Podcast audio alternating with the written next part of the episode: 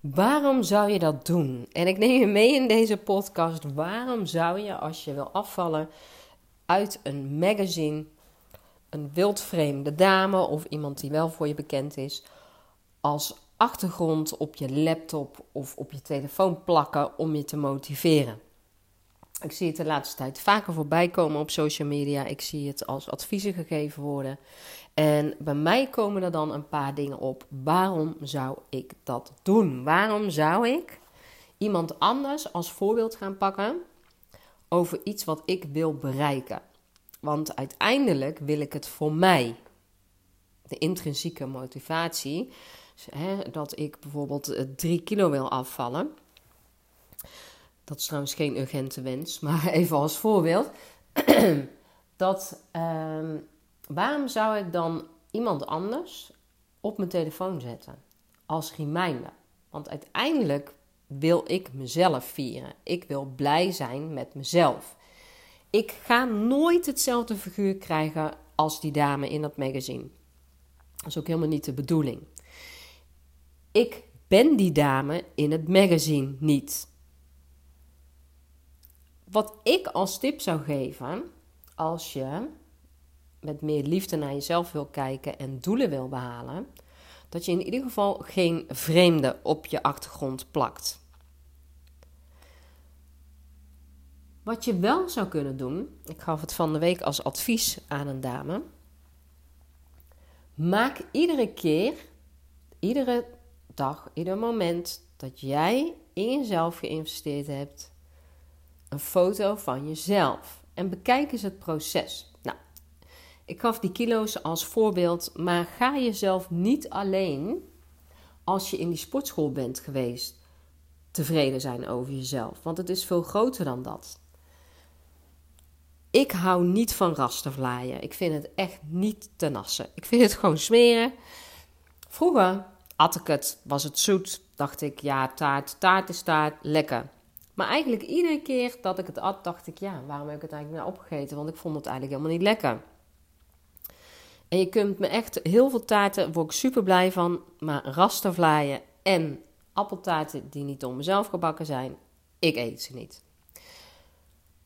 Als ik dan de keuze maak om het niet te eten, dan vier ik mezelf. Want ik denk, hé, hey, ik heb het niet nodig, ik vind het niet lekker. Ik kies waar ik wel blij van word. En als dat dan een ander stuk taart is waar ik blij van word, dan mag ik nog steeds tevreden zijn over mezelf. Mag ik nog steeds mezelf vieren. Dat betekent niet dat ik het niet goed gedaan heb. Want ik had geen taart moeten pakken. Of nee, dat is de rigide gedachte. Je mag jezelf ook gaan vieren als je in plaats van, uh, stel dat je uh, normaal gesproken 2000 stappen op een dag zet, dat je iedere dag naar 5000 gaat. Ja, maar iedereen die zegt dat 10.000 moet. Nou, schijnbaar is uit uh, zelfs wetenschappelijk onderzoek gebleken dat 8000 stappen ook al heel veel doet. Dat die 10.000 stappen niet nodig zijn. Maar het gaat erom, waar voel je je prettig bij? En als dat de ene dag 15.000 stappen is en de andere dag 2000 of 3000, dat het ook prima is. Maar dat je je op die dag dat je maar, maar hè, zeg ik er even bij, want zo wordt er vaak gedacht, maar 2000 stappen zet, maar jij helemaal tevreden bent over jezelf, lekker in je vel zit, toch bewogen hebt en lekker uh, voor maaltijden hebt gekozen waar je blij van wordt, of je gevoed hebt met nieuwe informatie, dat je een podcast geluisterd hebt, dat je zelf uh, andere dingen hebt gecreëerd, dat je jezelf dan ook mag vieren. En niet in die tekorten denken. Ook um, zou nog kunnen, maar die zou ik zelf ook niet pakken, dat je een oude foto van jezelf pakt. Nou, waar je trots op bent. Die zou je ook nog als achtergrond uh, kunnen pakken om jezelf te vieren. Wel moet ik daarbij zeggen dat uh, het zomaar kan zijn dat. Ja, ik ben ondertussen 42 uh, eh, en ik weet niet wanneer je deze podcast gaat luisteren, maar 22 februari 2024 neem ik deze podcast op en ik, ik zet hem later online. Dan ben ik nog 42. Stel dat jij hem later luistert, heb ik ondertussen een andere leeftijd bereikt. Maar mijn lichaam is door de jaren heen, ondanks dat de weegschaal bijvoorbeeld uh, mijn gewicht aangeeft en door de jaren heen dat, dat dat gewicht al aangeeft, is mijn lichaam veranderd. Eerst was ik een jong meisje met dat gewicht.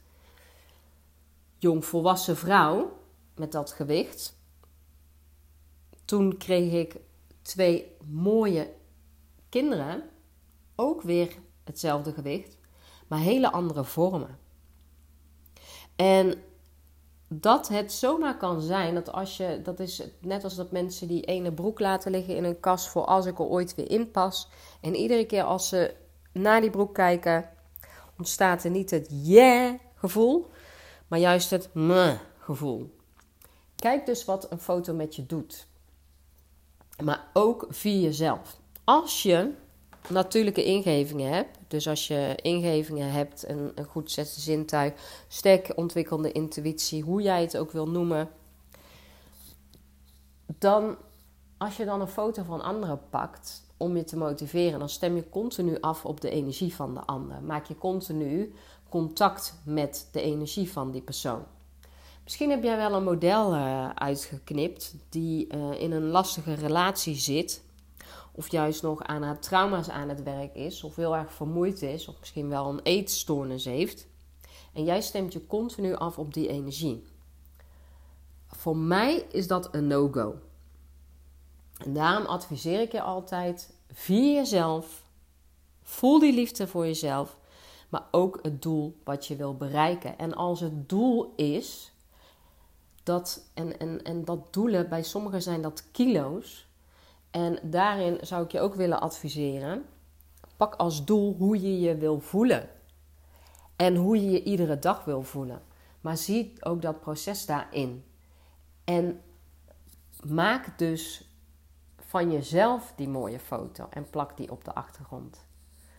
En zie eens wat er over door de tijd heen gebeurt. En als jouw doel is ik ga sporten of ik ga bewegen of ik lees dat boek, ik volg die cursus, ik ehm, ga aan een nieuwe job beginnen, ik ga een nieuwe doelgroep kiezen, ik ga ehm, van partner wisselen, ik ga juist uh,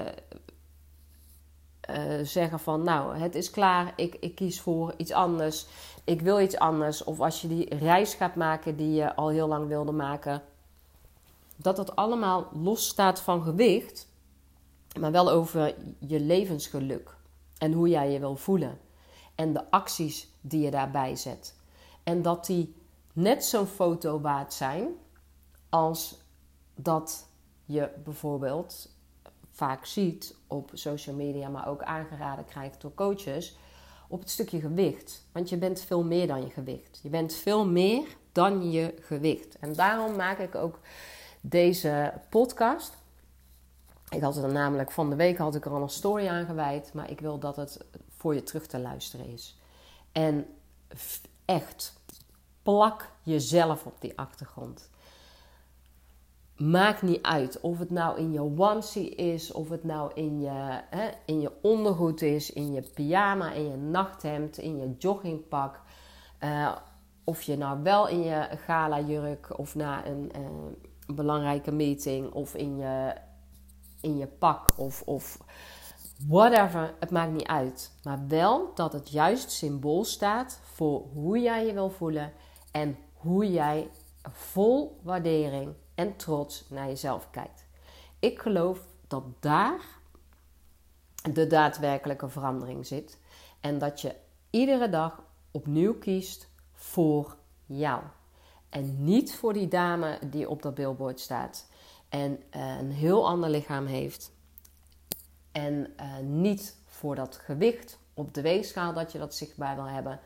Want laten we heel eerlijk zijn, sommige mensen behalen een bepaald uh, gewicht, maar ze voelen zich als een breekbaar, fragiel glas wat op staat. Dat ze zich helemaal niet kunnen identificeren. Of dat ze juist dat gewicht wel hebben behaald, maar dat ze zichzelf, eh, ze willen 55 kilo wegen. En dat ze zichzelf nog steeds die 60 kilo voelen. Of dat ze 150 kilo hebben gewogen en dat ze naar 100 kilo zijn gegaan, maar dat ze zichzelf nog steeds die 150 kilo op zichzelf plakken. Dat ze zichzelf nog steeds niet anders zien. En ik geloof dat je mag gaan zien wie je bent, waar je voor staat, wat je gouden eigenschappen zijn en wat echt bij je past. En niet conform wat er vaak wordt geroepen en ehm, wat de ander wil. Dat je vooral gaat voelen wat is jouw verlangen?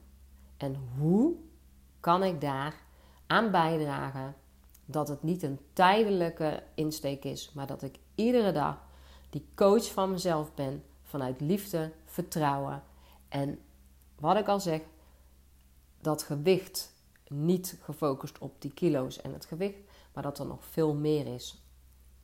In en aan jou om intens trots en vol liefde iedere dag na te mogen kijken en de allermooiste intrinsieke motivatie te zijn voor jou, jijzelf. Heel veel liefst bedankt voor het luisteren. Wil je deze podcast met iemand delen of wil je een reactie geven? Uh, laat dan een reactie achter op Simone, apenstaatje simonedejong.nl. Deel hem gewoon door via de link of uh, stuur me een DM'tje of uh, op Simone de Jong op Instagram of een persoonlijk berichtje op LinkedIn. Kun je me ook vinden, Simone de Jong met die haar erachter. En uh, ik ben heel erg benieuwd. En vooral, jij bent de katalysator die alles aanzet.